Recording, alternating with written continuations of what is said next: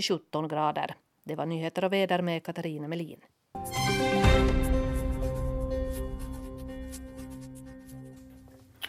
Och då fortsätter eh, Naturväktarna här i Ylevega. Det är första onsdagen i månaden och då är det mycket riktigt dags för frågor kring djur och natur med biolog Hans Hästbacka och mig, uh, sändningsvärd Roger Kjellman. Vi ska dyka ner i e-posten här, natur.yle.fi, och här kommer två fladdermusfrågor på raken. Är du beredd, Hans? Ja. För det första, Henrik skrev in här och så här berättar han. Jag var i Libelitz i norra Karelen för en vecka sedan och observerade en fladdermus som flög runt vår bil i klart solsken. Den flög gång på gång på några centimeters höjd över biltaket och strök nosen, som liknade en ljus snabel, längs taket. Biltaket var blankt i solskenet. Jag undrar om den trodde att taket var en vattenyta. Eh, stugan finns mitt ute i skogen utan någon sjö och alla diken var torra, så det fanns inga riktiga vattenytor att tillgå. Och det är Pian och Henrik som undrar det här.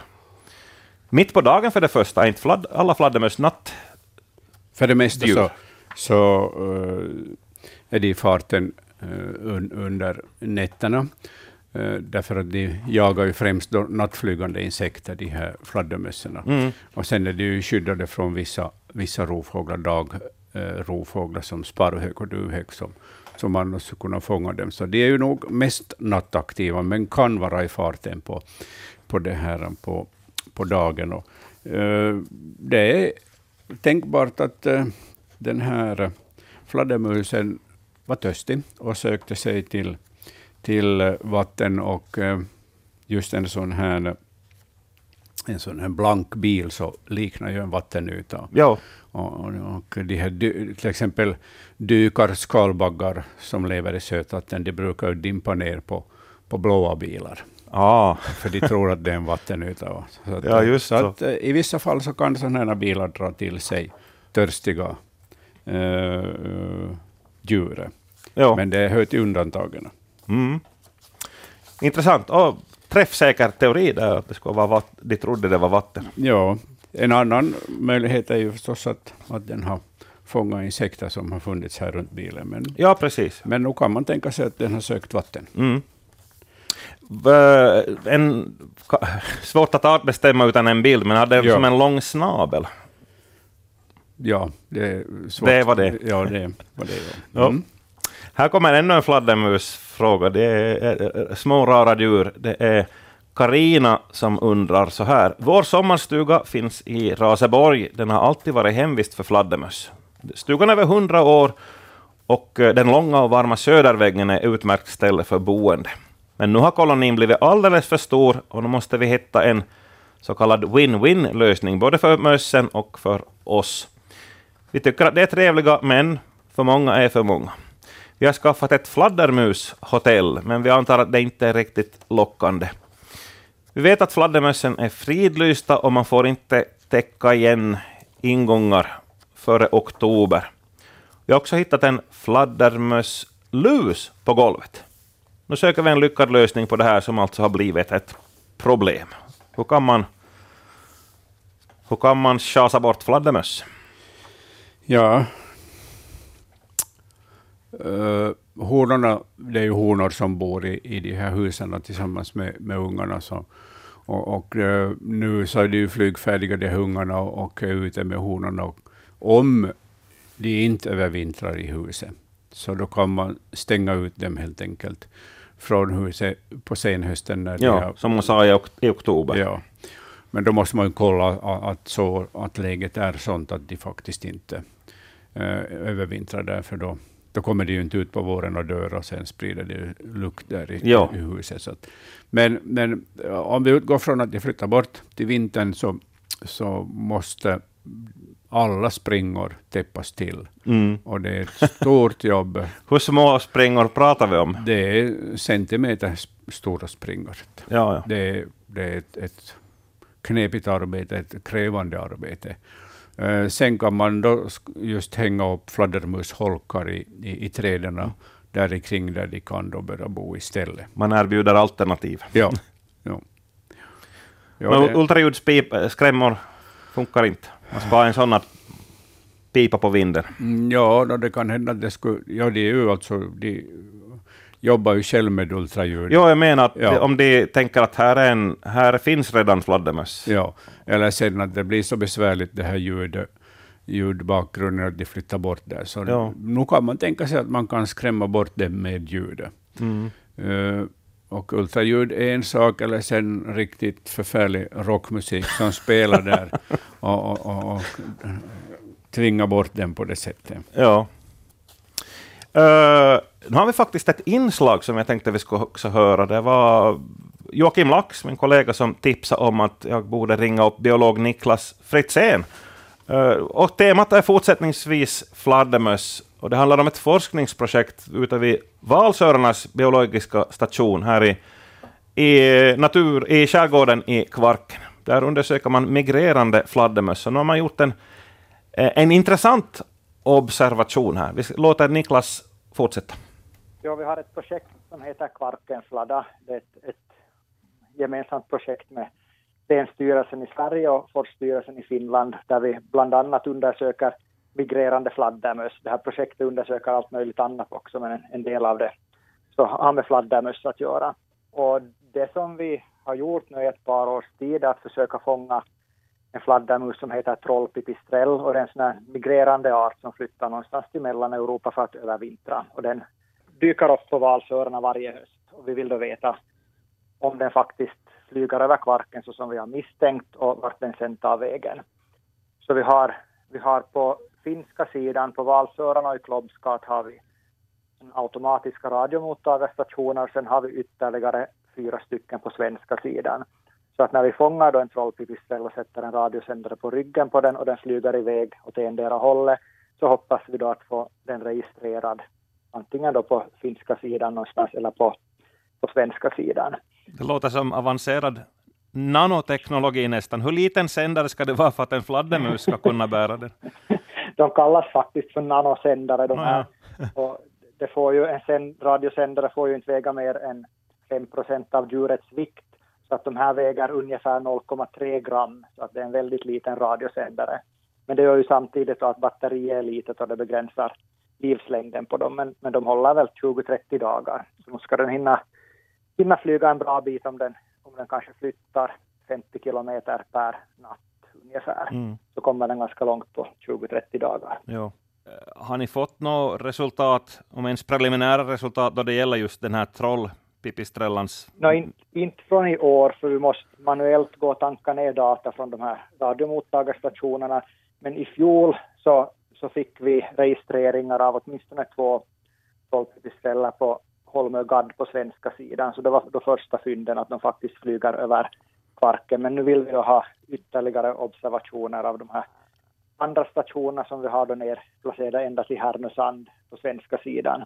Men det intressanta är att, att det finns ett nätverk i Europa av de här mottagarstationerna.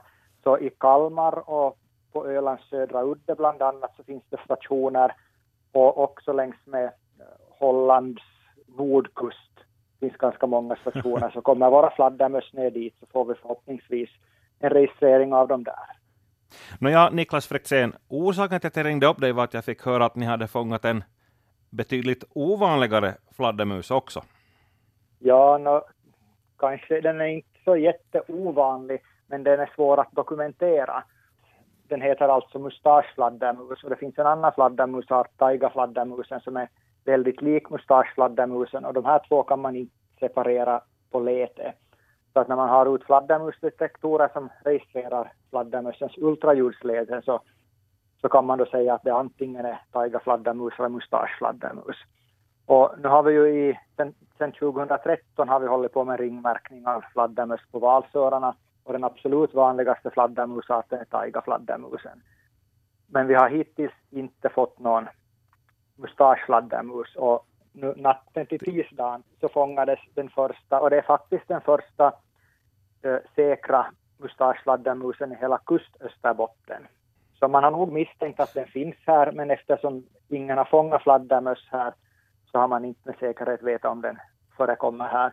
För man måste alltså ha den i handen för att kunna artbestämma den. Hanen bestämmer man genom att titta på formen på penisen på taigafladdermusen så är den klubbformad, den blir alltså bredare mot spetsen och på mustaschfladdermusen är den smal hela vägen.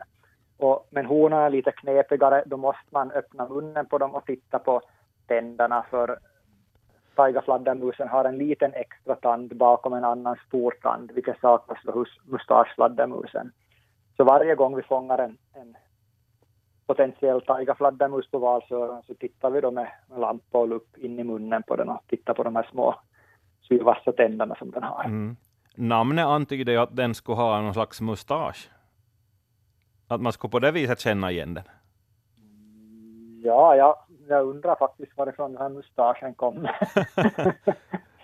Om de har mera hår. Nej, jag har faktiskt inte tänkt på var den här mustaschen, mustaschen sitter. Jo. Men de, alltså båda de här fladdermus, på andra språk så heter de, till exempel på tyska heter de både större och mindre mustaschfladdermus. Och tidigare kallades taigafladdermusen Brandts mustaschfladdermus. Så att båda är, är så kallade mustaschfladdermus. Okay. De, har väl, de har väl lite mera behåring där vid, vid nosen. Ja. Nå ja, Niklas Fritzén, det var en fascinerande inblick i den forskning du arbetar med. Men så då avslutningsvis, vad, vad betyder det nu då att ni har fått bekräftat att en, en mustaschfladdermus här vid kusten, vad, vad lägger det för pusselbitar på plats? Det blir en prick på utbredningskartan, en, en säkrad prick. Mm. Det har saknats från tidigare. Så att även om det här är en, för projektet är en bifångst så, så bidrar den med ganska intressant information åtminstone för oss som sysslar med fladdermöss. Nu vet vi att den finns där och sannolikt då finns också över delar av Österbotten. Det här är i och för sig ett av Finlands nordligaste fynd och den går kanske inte mycket längre norrut i Finland än till Vasatrakten. Men i alla fall så, så utgår vi ifrån att den nog finns i Vasatrakten. Så man kan inte kalla allting för taigafladdermöss mm. som låter som taigafladdermöss. Intressant. Tack så mycket hör du, Niklas Frisell. Ja, tack. Hej. Aktuella forskningsrön här med biolog Niklas Fritzén. Uh, tillbaka till uh, e-postskörden då, Hans. Så här har kommit en bild på ett, som Maria som har skickat in bilden, ett, en bild på ett monster. Jag hittade den på sommarstugan på Kumlinge och den var över 10 centimeter lång tills den väl drog ihop sig. Och uh, den ser nog lite monsteraktig ut den här, som ja. hämtat ur någon Hollywoodfilm. Ja, den här är brunfärgad. Den mm. ser ut som Eh, ett eh, torkat, hopskrynklat blad till exempel, eller, eller en, en torr pinne, eh, viken och avbruten. helt olika andra, andra det här, spinnarlarver. Det här är en, en spinnarlarv, ekorrspinnare, och, och det här är en nykomling i, i vårt land. Den har kommit alltså till, till, det här, till oss söderifrån, precis som andra nykomlingar. Eller, i, I det här fallet så är det en, en relativ nykomling. Den har ju funnits en, en viss tid i, i Finland. Då. Finns, förekommer i södra Finland, Nyland, Åbolands skärgård, Åland och, och den här själva spinnaren så är stor, den har en vingbredd på 45 till 65 millimeter, så den är en ganska stor äh, fjäril. Och har, äh, den är grå äh, på framkroppen och sen brun på vingarna med sådana zigzagmönster eh, framme på vingen och bak på vingen och sen några svarta fläckar. Mm. Så att eh, den här vuxna insekten så är, kan vi säga, mera normalt funtad, medan den här larven är, är verkligen en, en märklig skapelse. Men det är väldigt, väldigt bra kamouflage. Ja, det här är ju ett kamouflage från den här eh, ekorrspinnarens sida för att den inte ska bli uppäten av, av gök till exempel, eller andra fåglar mm. som gärna äter sådana här stora fjärilslarver. Det finns ju två metoder för, för eh, till exempel eh, larver att skydda sig. En är att kamouflera sig, som här, ja, ja. eller så låtsas vara någon giftig ja. Och, och, spindel. Vi, vi pratat om blomflugan som ser ut som en geting där, mm, för att man inte ska ge sig på den. Ja, och sen finns det ju många larver som, fjärilslarver som är oerhört uh, håriga och taggiga. Och, och det, är ju, Oinbjudande. det är ju ett bra försvar mot många uh, fjär, fåglar, men Ja. uh, göken har specialiserat sig på sådana. Den kan äta sådana här håriga larver och, och, och spyr upp sen de här stickande håren i så Ja, kallade det. spybollar. Så att uh, den har faktiskt specialiserat sig, så det, där har de fått en, en, tuff motståndare, de här håriga larverna. Det finns inget perfekt försvar. Nej, det finns alltid någon som bryter genom försvaret, men, men för det, i, i de flesta fall så fungerar det bra. Mm. Här eh, har Sten skrivit och han håller på att misströsta. Han har faktiskt nu har han skickat in eh, bilder på samma skalbagge. Nå, det här är tredje gången och han undrar varför han inte får något svar och han är på väg att ge upp. Uh, Sten och alla andra som undrar varför vi inte er fråga besvarat, har besvarats. Så jag kollar här att vi har nu i detta nu cirka 450 meddelanden som ligger så att säga i kö. Så vi har tyvärr ingen möjlighet att, att behandla varje fråga, så vi måste, eh, vi måste lite variera kanske. Och, eh, Mm. Men jag ska, kolla upp, jag ska kolla upp den här bruna skalbaggen, Stens bruna skalbagge. jo, dessutom, nu när vi nämnde den då, så konstaterar Hans att, att dina kunskaper inte räcker till. Nej, det, alltid, Nej, nej, alltid blir det hemarbete. ja, nej, men det är ju, och det är ju, det är ju kul för dig att Ja, få visst. någon nöt att knäcka någon gång Ja. också, så att säga. Hej, nu ska vi se vad den lyssnare har för nötter på gång här. Eh, 0611 12 13 är numret och här har vi en, en person på tråden. Hej, välkommen, nu är du med i Naturväktarna.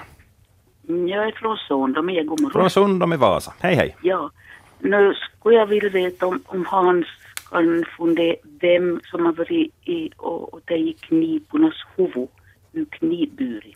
Ja. För att vi har flera knipburar och så börjar vi se att, att eh, det var ganska långt vid den ena knipburen. Ja. Så klättrade de upp. Så fanns en knip utan huvud. Ja. Och då de lyfte upp hon så fanns det fem ägg. Ja. Ja. Vem har kunnat vara där? Ja, det finns två. Hur högt eller lågt är den här, hänger den här knipholken? Mm, Ja, nu är det säkert in par, tre meter. Ett par, tre meter. Och vid, vid stranden? Vid stranden. Ja. No, det finns två alternativ. Det är antingen mink eller mård som har eh, varit inne i holken och dödat den här knipan. Och, och eh, av någon, o- alltså det, det finns ju många, många rovdjur och rovfåglar Ja. som gärna äter huvudföst, därför att de här Ja, ja. hjärnorna är ju mycket energirika och har speciella fetter som, som de här djuren behöver. Så därför kan man hitta just sådana här huvudlösa individer. Men det, det normala är att, att den nog återvänder sen till holken och utnyttjar mera av bytet. Men eh, antingen har, har det funnits så mycket föda för den här minken eller mården så att den har fortsatt med annat sedan och inte återkommit till holken. Men som sagt, mink eller mård. ja det, var, det var mink vi gissa. Ja, ja. Nå jo, nej, men tacka för det. ja, det lönar ju sig att, att sätta ut, att ha sådana här minkfällor ja, som dödar eh, minkarna när de kommer in i fällorna, så kan man reducera antalet minkar som eh, jagar sjöfågel och går upp i holkarna. Nå jo, nej, Ja. men tackar. Ja. Yes. Tack så mycket för ditt samtal. Tack, tack, tack. Hej då. Hej då, hej. Och här ligger någon på linje två och väntar. Hejsan, du är med i sändningen. Välkommen. Ja, tack, tack. Det var Mona Hej. från Vasa. Jag har funderat på älgflugan ja. och det de som har blivit bitna, stungna av älgflugor så en del säger att det är som ett myggbett och andra tycker att det är besvärligt. ja. Så vitt jag vet så, så var det professor, hon hette Walter Hackman, som var fnittrande glad när 18-åriga Erik kom med en älgfluga till museet, det entomologiska museet där i Helsingfors, eller avdelningen. Och jag, jag undrar riktigt hur det är med, med den där älgflugan. Ja, älgflugan är ju en art som har kommit österifrån tillsammans med älgar som har vandrat in från Ryssland till Finland. Ja, just De här stora, stora däggdjuren och också mindre däggdjur så har en, en vandringsbenägenhet västerut. Och, och äh, älgflugorna lever ju på framförallt älg men också andra hjortdjur. Och, och de kläcks, de här larverna, i, ja, de börjar kläckas i, i augusti månad. Och, och så håller de på då och kläcks ända i september och flyger ända tills hårda frost, nattfroster sätter stopp för deras äh, flygande. Men, men de söker alltså upp framförallt då älg som de landar på och sen knipsar de av eller kastar sina vingar och, och, och kilar snabbt in i, i den här hårfällen där de sen lever. Honorna äh, eh, lever hela tiden på, på sitt värddjur och, och äh, suger blodet, uh, uh, näring helt enkelt ur älgen för att uh, kunna föda upp som, eller producera så många larver som möjligt. De här larverna så är nästan färdigt utvecklade, mycket långt utvecklade när, när de föds inom citationstecken av Ja. honan. Och så faller de ner på, på snön, det är på vintern som de, som de faller, eh, som honan släpper ut dem då från sin kropp. Och, och eh, där förpuppas de och ligger i snön eller i mossan, mosstäcke och, och, och kläcks sedan på, på sommaren. Ja, just Så att eh, på det sättet fungerar det med de här älgflugorna. Och, det är som sagt en, en art som vi inte tidigare har haft i vårt land, men som vi har nu i ganska stort antal. Ja, det var 1962 det där som, som 18-åringen förde det till professorn e- exemplaret och han blev jätteglad då han fick det där exemplaret. Han kände ju väl till det efter sina studier ut på kontinenten och allt det där professorn. Mm. Ja, tyvärr så har ju älgflugan blivit så eh, allmän i, i, i skogsmarkerna så att det är många som inte går ut i svamp och bärskogen och mera därför att de får så mycket älgflugor på sig. Och, Ja, ja, det är som myggor. ja, ja. Och, och älgflugorna har i lite ökande grad börjat bita människor också. En del människor får äh, kraftiga äh, allergiska reaktioner, alltså sto- Ja, stora svullnader. Så den ställer till problem. Just. Ja, Okej, tack ska du ha för det här samtalet. ja, tack, tack. Hej då. Hej. Finns det någon älgflugespray i handeln? Jag har inte sett någon, men hjälper det med vanlig insektsspray? Då finns det eh, vissa sprayer som, som hjälper till en del. Men uh, bäst är det att vara tättklädd och att ha ett skyddsnät som hänger ner från hatten. Mm. Det stänger ut de flesta älgflugor. Och fästingar och allt annat Ja, rysligt som finns i skogen. ja, ja. Ja. Uh, visst hade vi fått några ytterligare bilder? Jag tog ut något åt dig, Hans. Vi ska se. Det var de här insekterna på biltaket bland annat. ja. Det är en myrart som svärmar. Jag, ska, jag läser Jennys fråga Ja. här. Hej, vad är det Ja. för, för det första... Ja, vi tar insekterna. Det var en spindel här också. Vilka är de små flygande insekterna som i solsken trivs på min bilstak? De är knappt en centimeter långa och mörkt rödbruna. Ja, nog är det ättermyror, eller pissmyror som vi brukar säga, ättergaddar. Ja, som, som eh, svärmar. Och, och det här är ju då den flygande generationen, drottning och drönare, som, som har sin parningsflykt. Och, och efter parningen så dör drönarna bort och honorna försöker då etablera nya samhällen. Så en eh, alldeles uppenbar myrsvärmning. mm. Och den där spindeln där, det var...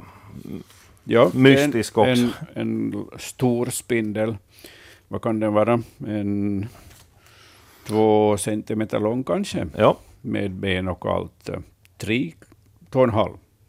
Och, den har eh, en, en mörk chokladbrun kropp, delad upp i två segment som de brukar ha, och sen gula linjer på, på det här eh, både framkroppen och bakkroppen. Mm. Och, och det här är en kärrspindel, en av de stora spindlarna i vårt land. Ja. Där var en bild på en fet larv också, den är lite längre ner i den hög. Ja. Det var den där. Mm. Så här, det är Kirsti som undrar, vad är detta för en larv? Den är inte lurvig, men Mm. den är larvig. Ja, Och den, eh, här finns ingen uh, tändsticksask eller någon annan storleksreferens, Nej, men, men- den ser präktigt välmående ut. ja, jag skulle säga som ett lillfinger. Ja. Det, det, eh, en tjock och fet, eh, välnärd larv Och röd, ljusröd till mörkröd. mm, som går i eh, lila färgsättning och sen har den ljusa snedstreck på sidorna och ett blått horn på bakkroppen. Eh, det här är linds, lindsvärmarens larv Mhm. som eh, är klar för förpuppning.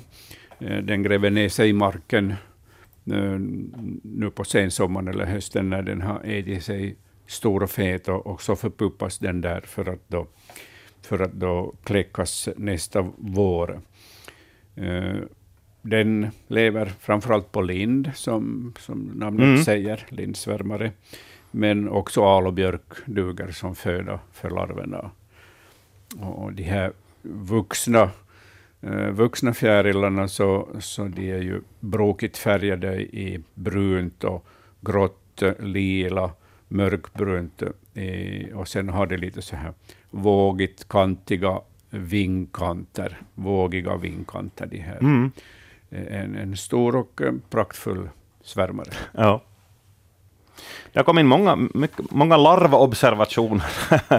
Ja, det, Ska vi ta... Ska, ska vi, vi ska se nu, Bernt har skrivit in här med bild. Jag ska se vad du har. Den där, precis den ja. Vad är detta och vad ska det bli till? Jag har hundratals i trädgården. Mest trivs det tydligen på krassen. Ja, nu... Jag har skrivit här kolfjäril med frågetecken. Ja, Eh, kolfjäril eller någon annan närbesläktad fjärilsart som, som har lagt ägg i, i trädgården. Och, och eh, eh, gott om larver som äter. Eh, Jag kollar gärna upp den här för säkerhets skull närmare för Mm. att eh, eh, få då bekräftat av vilken art det är. Men, men eh, så jag återkommer med Ja. det här. den 2 oktober är följande naturväkteri. Mm. Så har vi ändå som kanske just göken skulle kunna tänkas ta sig an, för den, den är vackert, vackert gul och rödfärgad och väldigt hårig och ligger på asfalten. Den, ja. Jag tror bilden är ganska litet Mm. format, så då kanske jag har svårt att se där Hans, men det ser ut som en, en, en fluga, alltså en sån som man använder vid flugfiske. Ja. var min spontana reaktion. Ja, ja. Men Ja, vad, det vad kan det tänkas Den vara? är otroligt färggrann. Ja. Grundfärgen är gul och sen har den orangea, fyra eh, orangea eh, fläckar i, i den här gula eh, färgsättningen. Fyra på var sida, så den Mm. har åtta gula. Ja. Och Gunvor som har skickat in bilden berättar att hon hittade den på asfalten i Borgå eh, för nu då två veckor sedan. Det här kom in i förra, i förra torsdags, men han inte med i den sändningen tyvärr, men här är vi nu. Så i medlet av augusti är den observerad. Ja. Kanske också något som du får Det här är nog också återkomma till. en, som jag får läsa på. Mm. Nu har vi Det är två- bra, bra att man får hemläxor av Det är, lyssnarna. det är bra, det. vi har tentamen sen då. Ja. Eh, nu har vi någon på tråden. Välkommen till Naturväktarna. Hej, nu är du med oss. Ja, god dag, god dag. Det här var en annan Gunvor, men det här från Jakobstad. Jaha, hej. Och ni pratar om älgflugor, så tänk, jag har tidigare berättat om det här med, med fästingar. Ja. Och jag fångar bort fästingar på vårt villaområde. Ja. Jag hade en vit handduk Mm, ja. som jag gick och drog och hade en sån där tejpborste som jag tog bort den från vita handduken. Jag började 2010 och den sommaren så fångade jag 743. Wow. 11 och 12. 2011 12 så var jag inte så in, inte ens intresserad för jag hade själv cancer och gick igenom behandling och mannen dog. Men Åh. 2013 Ja. då fångade jag 852. Oj, oj, oj. Men hör nu då, 2014 så hittade jag 37. Ja. Oj. 2015 hittade jag 17. Ja. 2016 och 2017 hittade jag bara några. Ja, ja. Och 2018 inte en enda en. Och de gånger vi har varit i sommar där har inte jag hittat en enda en. Vad trevligt att, Ja. de, att de är Då, borta. jag gick ju inte i skogen förstås, men vid, vid båda sidor längs med de stigar vi vandrar Ja, och öppna, mm. öppna områden. Ja. Så det lönar nog sig för de som har den. Plock bort den. Ja, ja. Ja. Hur är det annars eh, med de vilda djuren? Eh, brukar de ströva mycket där på, på ert Jo, på område? vinter. Det är på en holme det här, så att det, vi har haft älgar har vi haft som Ja. har stråk över där, de har inte sett på flera år. Mm. Men och, och hararna, harar hade vi mycket just de här åren. Ja, precis. Och ekorren finns, nu Ja. i sommar så finns en hare med en unge och en ekorre som vi har sett. Ja. Men inte dess mera. Ja, ja. Och det är ju nära till fastland, kanske 100 meter. Ja, ja, så där, där kommer Så det är därifrån, ja. Men, vitsvansort alltså det, kommer lite över dit. Och, och, men intressant och, och lönande är det nog att hålla efter dem. ja, visst är det. Det, det är ju Ja. en, en utmaning som man vinner. Precis det, jag har nog tidigare berättat om det här. Ja. Jag pratade Jo, med jag minns det. Hästbacka då också. Ja. Jag minns att jag var med i den sändningen också. Ja. Ja, och jag har skickat till Håfors och hon sa då att det är de här taigafästingarna, hon har forskat i det. Ja, ja. Ja. Så att det är, inte kan jag säga att alla är taigafästingar, men det fanns utav dem bland ja här. just här Ja. i Österbotten finns både och. Ja, både och. Ja. No, men det var det om fästingen. Gunvor, jag vill, jag vill för det första applådera dig för det här idoga arbetet. För det andra, hur många svep gjorde du när du fick över 800? Hur många varv gick du den Men där? jag, jag gick varje dag, gick jag en gång och drog så här med handduken, ett och två, eller liksom på sidorna om. Drar ett tag och så andra vägen och så likadant. Hela sommaren då liksom, eller? Hela sommaren, varje dag. Jag har skrivit upp för varje dag. Oj, oj, Jag oj. tyckte det blev så, annars skulle det inte ha varit så intressant Ja. om inte jag skulle anteckna. Hur, hur, går det, hur går det till det här? Hur långt kommer jag? ja, precis. Men jag kom till slutet. Ja. Ja, vidare Grattis. ska vi se. Grattis. Mm. Ja, tack, tack. Ja. Men det är en uppmaning till alla som, som, som, som tycker att det är ett djävulstyg med de där, så ta bort dem, det går nog. Ja. Ja, med idogt arbete. Ja, fästingarna kan man göra sådär med, men lite annorlunda med älgflugan som Men flyger. den går inte. Nej. Den flyger. Och den har inte, den har inte märkt av heller. Ja, det betyder Nej. att ni har inte haft några älgar någon längre tid där på vintern? Nej, nej, nej, det, nej, nej, det har vi inte haft. Ja. Nej. Mm.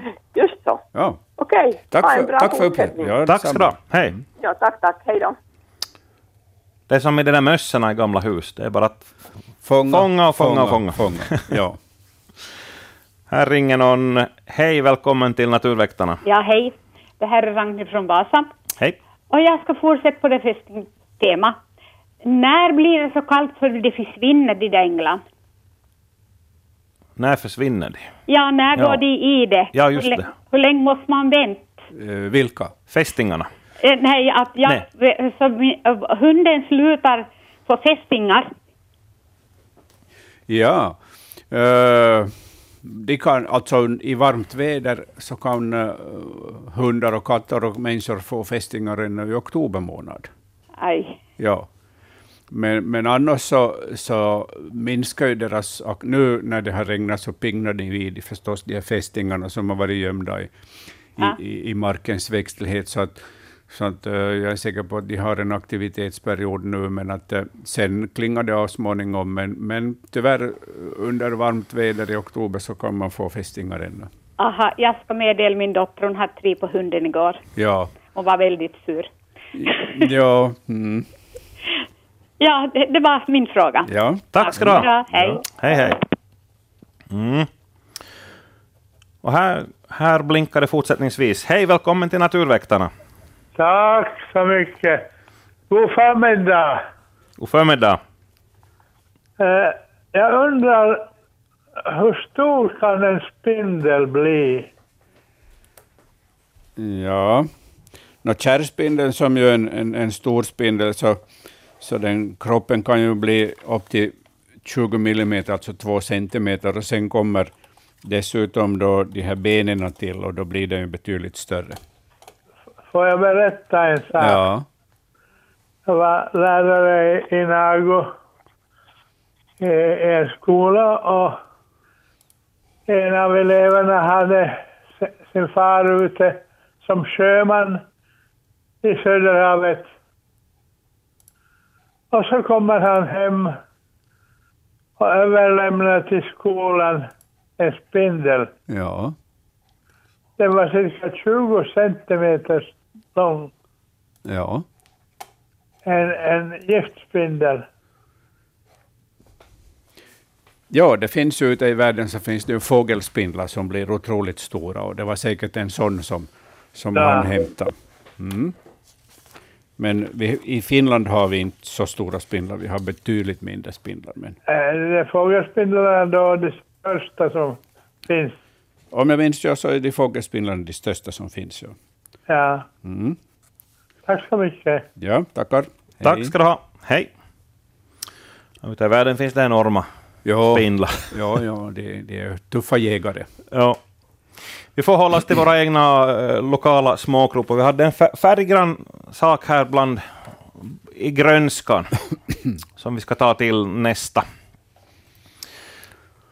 Ska se nu, nu hittar inte jag själva frågan. Du får läsa då om det stod fanns någon hälsning där med också. Var har vi den? Det är som sagt var så mycket post här som man blir alldeles förvirrad själv. Ja, Här, det- vad är det? Det är Peter som skriver. Vad är detta för flyg? Det fanns flera på gräsmattan och de flög också i luften. Ja, Pargas. Mm.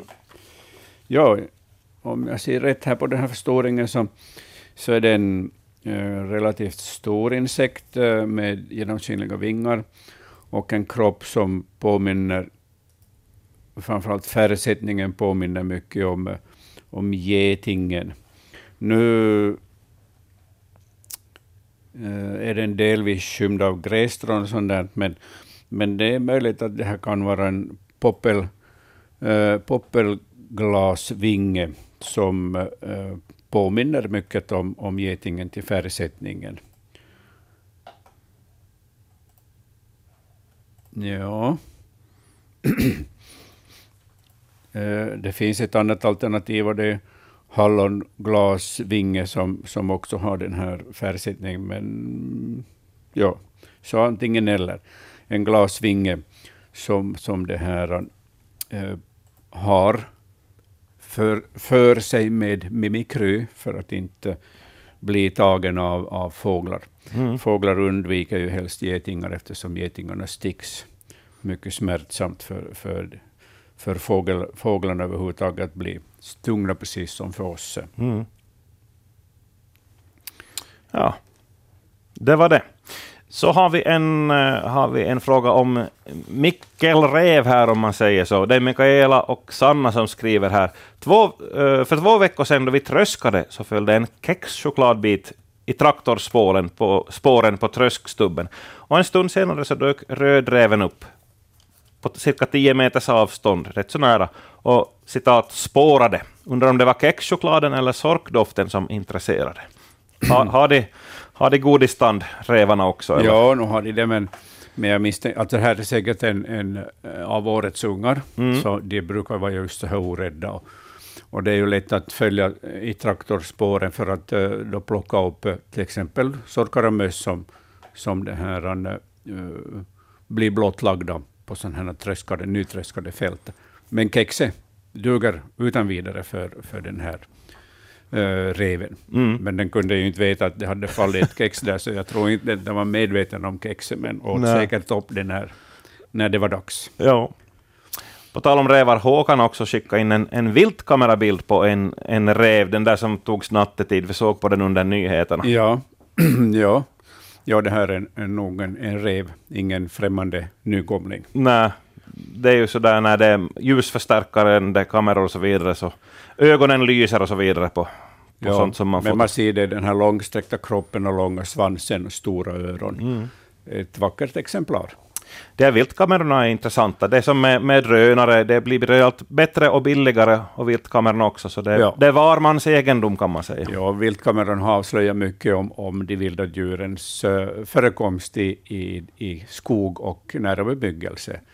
Uh, överraskande eh, bilder har kommit, Mm. Bland annat mm, bilder på, på varg och björn och, och, och, eh, och lodjur på sådana ställen där man kanske inte har tänkt sig Mm. att de skulle röra sig. Då får man bevis för sina påståenden att du Ja. bara yrar, inte finns det något sådant djur här. Ja, och sen är det ju intressant att, Att ha en sån här viltkamera och, och, och konstatera att wow, en ny art igen. Ja. Hur är det med dig Hans? Du är ju ivrig och även publicerad fotograf. Har du någon viltkamera? Nej, jag har ingen viltkamera, men, men det finns ju möjlighet. En del som har viltkameror så sätter ju ut det på nätet också, så man kan följa med vad de har eh, fotograferat Mm. under årens lopp. Eller filmat? Man kan ju Ja, ta videofiler ja, också. Ja, det finns delen. ju filmer också. Mm. Här är det radio, och nu tar vi den bilden som du håller i där med frågan Ja, på andra sidan. Det är Jan Rögård som eh, funderar, vad är det här för en blomma? Är det en orkidé? Och bilden är tagen 15 juli på Bergön. Och det är faktiskt en orkidé som, som växer här. Eh, fläckiga blad och eh, ljusröd blomställning som också är fläckig. Och det här är då jungfru, jungfru Maria nycklar, eller fläckigt nyckelblomster Mhm. som den också kallar, och jungfru Maria hand, så den har, kärt barn har många namn. Det här är en orkidé som, som det är den vanliga i Österbotten, den här eh, Maria nycklar, jungfru Maria nycklar, och, och eh, den kan förekomma i stort antal på vissa ställen. Så att, eh, den är inte ovanlig, men man lägger märke till den då man ser den. Därför Ja. orkidéer är ju så oerhört vackra eh, när man får se dem. Och dessutom är det här på kanske delvis ett kalhygge eller fotograferat på Just det det. Så att den pryder upp den här platsen verkligen, den här, Mm. den här jungfru med fläckiga nyckelblomster. Hör du från ett, ett vackert fynd till ett mera makabert sådant. Ingen bild, kanske tack och lov i det här fallet. Det är Ulf som berättar om en observation i Öja i Karleby. Så här skriver han. Jag lyssnade på er sändning i torsdags och försökte ringa in en kommentar angående huvudlösa ekorrar, men kom aldrig fram. Det är, Ja. så, det är, det är livlig både telefon och e-posttrafik hit. Men så här är Ulfs redogörelse. För två veckor sedan vandrade vi en morgon till vårt blåbärs och hallonställe. Cirka 9.30 på morgonen så stötte vi på en död, nästan fullvuxen hare som låg på stigen. Ja. Huvudet var borta, öronen låg kvar och resten av kroppen var intakt. Stigen var barskrapad på cirka 40 centimeter lång sträcka och barr och löv var ohopade över harliket. Aha. Man har försökt dölja brottsplatsen här. Eh, idag gick vi längs, Eh, alltså i, den, eh, i förra veckan, idag gick vi längs en annan stig i tät och hög skog, cirka två kilometer från första stället. Nu stötte vi på en liten harpalt som hade råkat ut för exakt samma behandling. Huvudet borta, öronen låg vackert avklippta och kroppen var hel men övertäckt av barr. Vem är denna kräsna jägare? Vi har både örn, berguv och stora hökar här i Öja Karleby, men du skulle väl knappast besvära sig med att täcka över det döda djuret? Nej, det är ingen rovfågel som har, som har tagit de hararna, för det finns ingen rovfågel som täcker över sina byten. Nej. Eh, Den som ligger närmast till hands är förstås lodjuret, Mhm. eftersom lon täcker över sina byten mer eller mindre slarvigt, för att eh, de inte ska bli upptäcka, upptäckta till exempel av kråkfåglar som då gärna hugger in på de här. Är det för att den eventuellt kommer tillbaka och fortsätter? Den brukar komma tillbaka och, och, och ta tillvara byte. Mm. Den har helt enkelt inte varit så hungrig, men den har velat äta upp huvud, framförallt hjärnan, då, den näringsrika hjärnan. Och, och just att den har klippt av öronen som den är så intresserad av, så tyder också på att det är ett lodjur. Eh, så jag håller ett eh, starkt kort på att det är ett lodjur som jagar i trakten där. Ja. Höj att stöta på sånt. Ja, man får ju aldrig se lodjuret. Alltså man ska ju ha en verklig tur om man ska komma ett lodjur inom gott synhåll. Mm. Så, så det här, eh, de hör ju höjd om man kommer gående. Och vi människor är ju oerhört bullriga när vi rör på oss i skog och mark. Och är man två till, dessutom och pratar så då har man ju inga chanser att få se de här stora rovdjuren. Mm. Okej, bra. Men, men det är ju viktigt att komma ihåg när det gäller sådana här byten som man ser som är bara delvis uppätna, att låt dem ligga, de blir nog tillvaratagna och kommer till nytta. Ja, Så behöver inte eh, rovdjuret slå ett byte till strax efteråt. ja, mycket bra. Eh, har du några flera där på, på, i kö nu, Hans? Frågor? Mm, nej. Ja, då tar jag det här som kom in den 29 augusti, alltså i för, förra torsdags där på kvällen. Det är Pekka i Borgo som undrar hurudana, det är spindlar igen, hurudana dagsrytmer har spindlar? Då jag började nattjobba så såg jag första gången en spindel eh, i en lägenhet där jag redan hade bott ett halvt år. Jag kom då vanligtvis hem mellan fyra och fem på morgonen då gissar jag, efter nattjobbet. Och där låg, där låg spindeln varje morgon på nästan samma ställe på köksgolvet och verkade den liksom vänta på någonting. Jag såg den aldrig på dagen. Det här var dessutom den största spindeln jag har sett, men kanske 4-5 centimeter ändå. Hmm. Ja, det finns spindlar som jagar under nätterna när det är lugnt och, och, och det här. Då är en som, som jagar utan nät tydligen.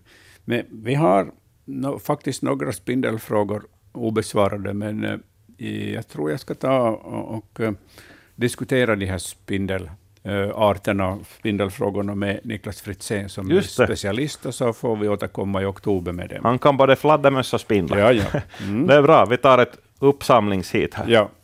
Gott folk, vi har 11 minuter kvar av denna månads Naturväktare, så passa nu på att ringa in 0600 11 12 13 och ställ din fråga till biolog Hans Hästbacka. Och här reagerar någon med samma.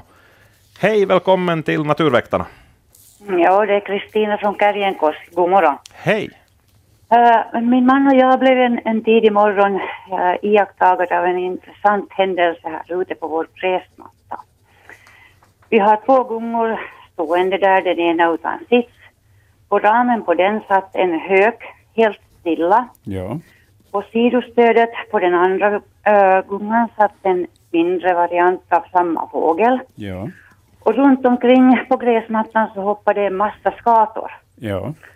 En skata närmade sig gungan, äh, hoppade omkring där en stund och så hoppade den upp på sitsen cirka en halv meter från den lilla höken. Ja.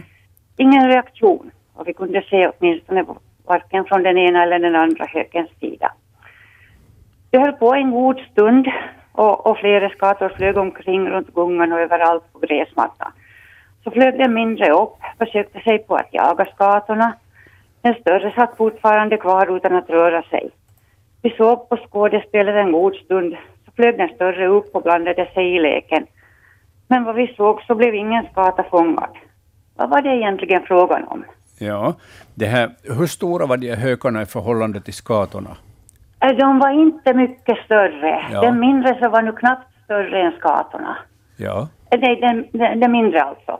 Den större så är lite svårt att uppskatta. Ja. Sådär, vi, vi känner ju till, både min man och jag, både skator och fåglar och min man känner hökarna lite bättre, men jag vet ju inte vad de... Ja. Jag vet bara att det är hökar. Men de var i alla fall större än skatorna? De var nog större, ja. Ja. Ja.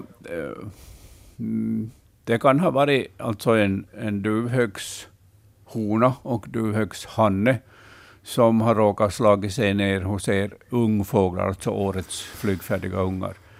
Som, ja. har, som har slagit sig ner i er trädgård för att vila. Och, och eh, skatorna, precis som andra rovfåglar, så de, de hatar ju och avskyr eh, hökar, framförallt duvhöken. Ja. Och, och eh, försöker, försöker mobba dem så gott det går. Eh, men det här orädda beteendet, ja, jag funderar om det skulle kunna vara sparvhök i alla fall. Det orädda beteendet tyder på att det skulle kunna vara en lite mer ofarlig eh, hök, möjligtvis sparvhök, då så sparvhök, hanne och hona. I alla fall så, så de här skatorna så eh, mobbar helt enkelt de här hökarna som finns på platsen.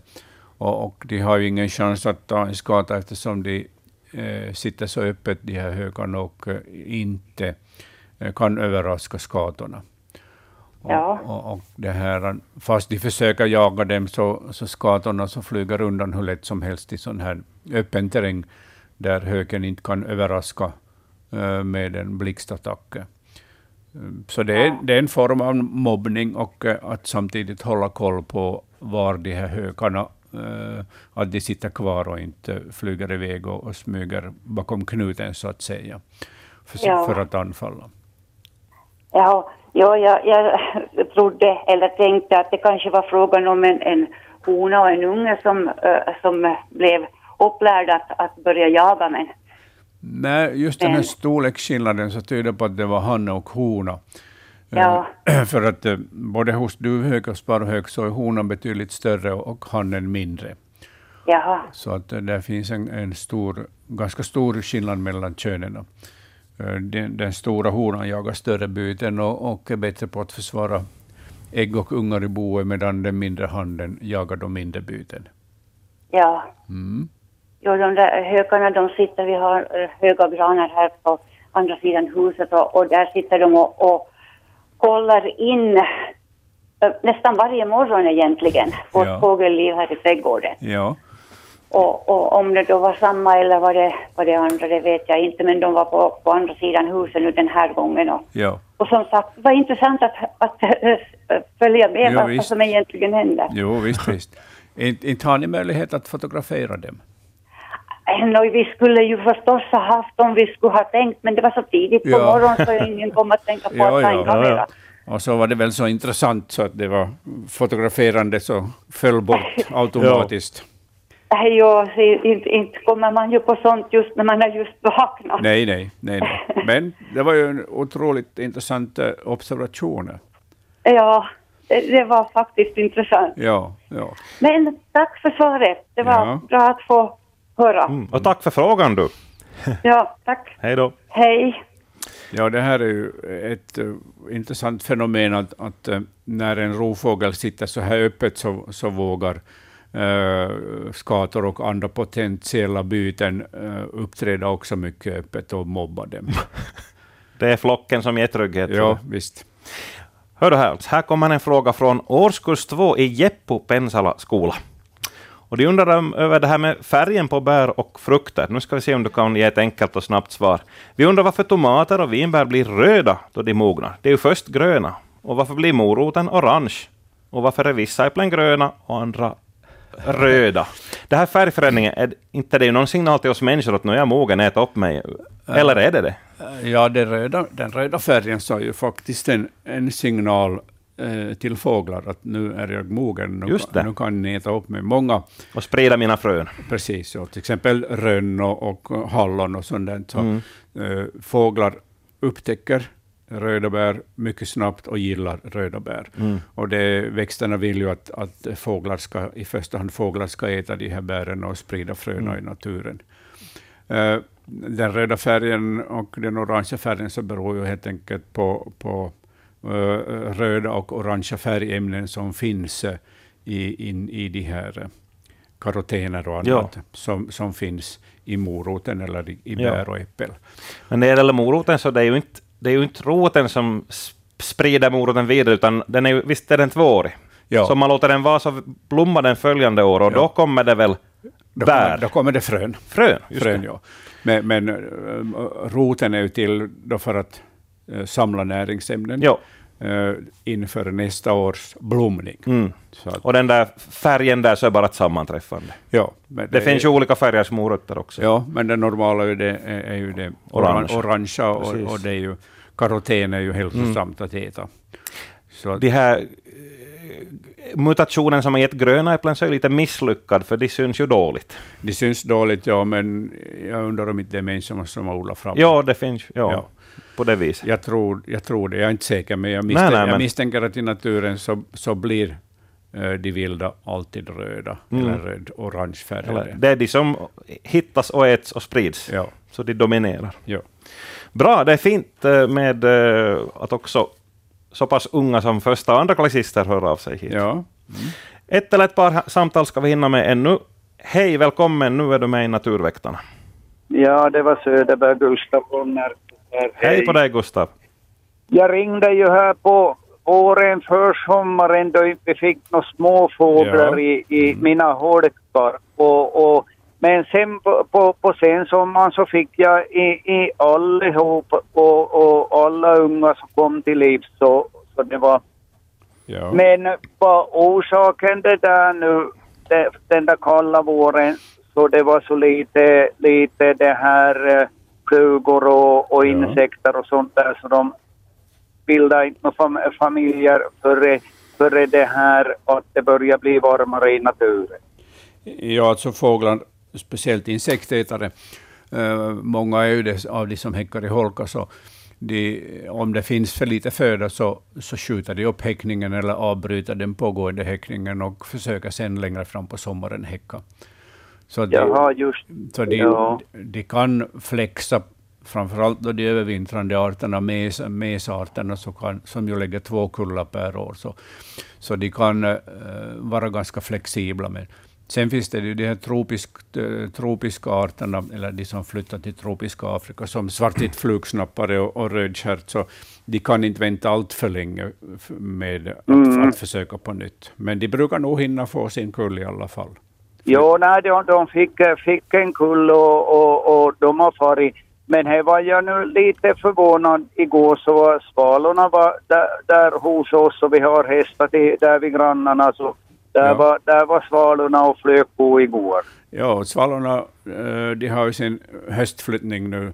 De har ju hållit på sedan mitten av, av augusti och flyttat söderut. Och, och ofta är det ju ladusvalor som, som sitter på eh, telefonledningar och eh, elledningar och kommer gärna till, till gårdar där det finns djur för att eh, jaga flugor och andra insekter som har samlats där. Jo. Mm. Nåja, det där fick jag svar på. Ja. Det är ett bra Tack. program. Tack ska du ha, Gustav. Hej. Och vi får tacka alla som har ringt och skrivit in, alla som har fått sina frågor besvarade, och tyvärr finns det en hel del som inte har hunnit med heller. Vi avslutar här med en observation från Kåre. Jag hörde om fästingar nyss och vill meddela att fästingarna nu också är aktiva på vintern om vädret tillåter. Här på Åland har vi också plockat fästingar från våra katter någon gång mitt ibland under december och januari, då det har varit varm vinter. Ja, så är det tyvärr. Jag tackar biolog Hans Hästbacka för expertis. Du tar med dig några spindelfrågor som vi får återkomma till då Naturväktarna är tillbaka den 2 oktober klockan 9.16 fram till 11. E-posta oss på natur.yle.fi. Nu blir det nyheter, därefter regionalt program.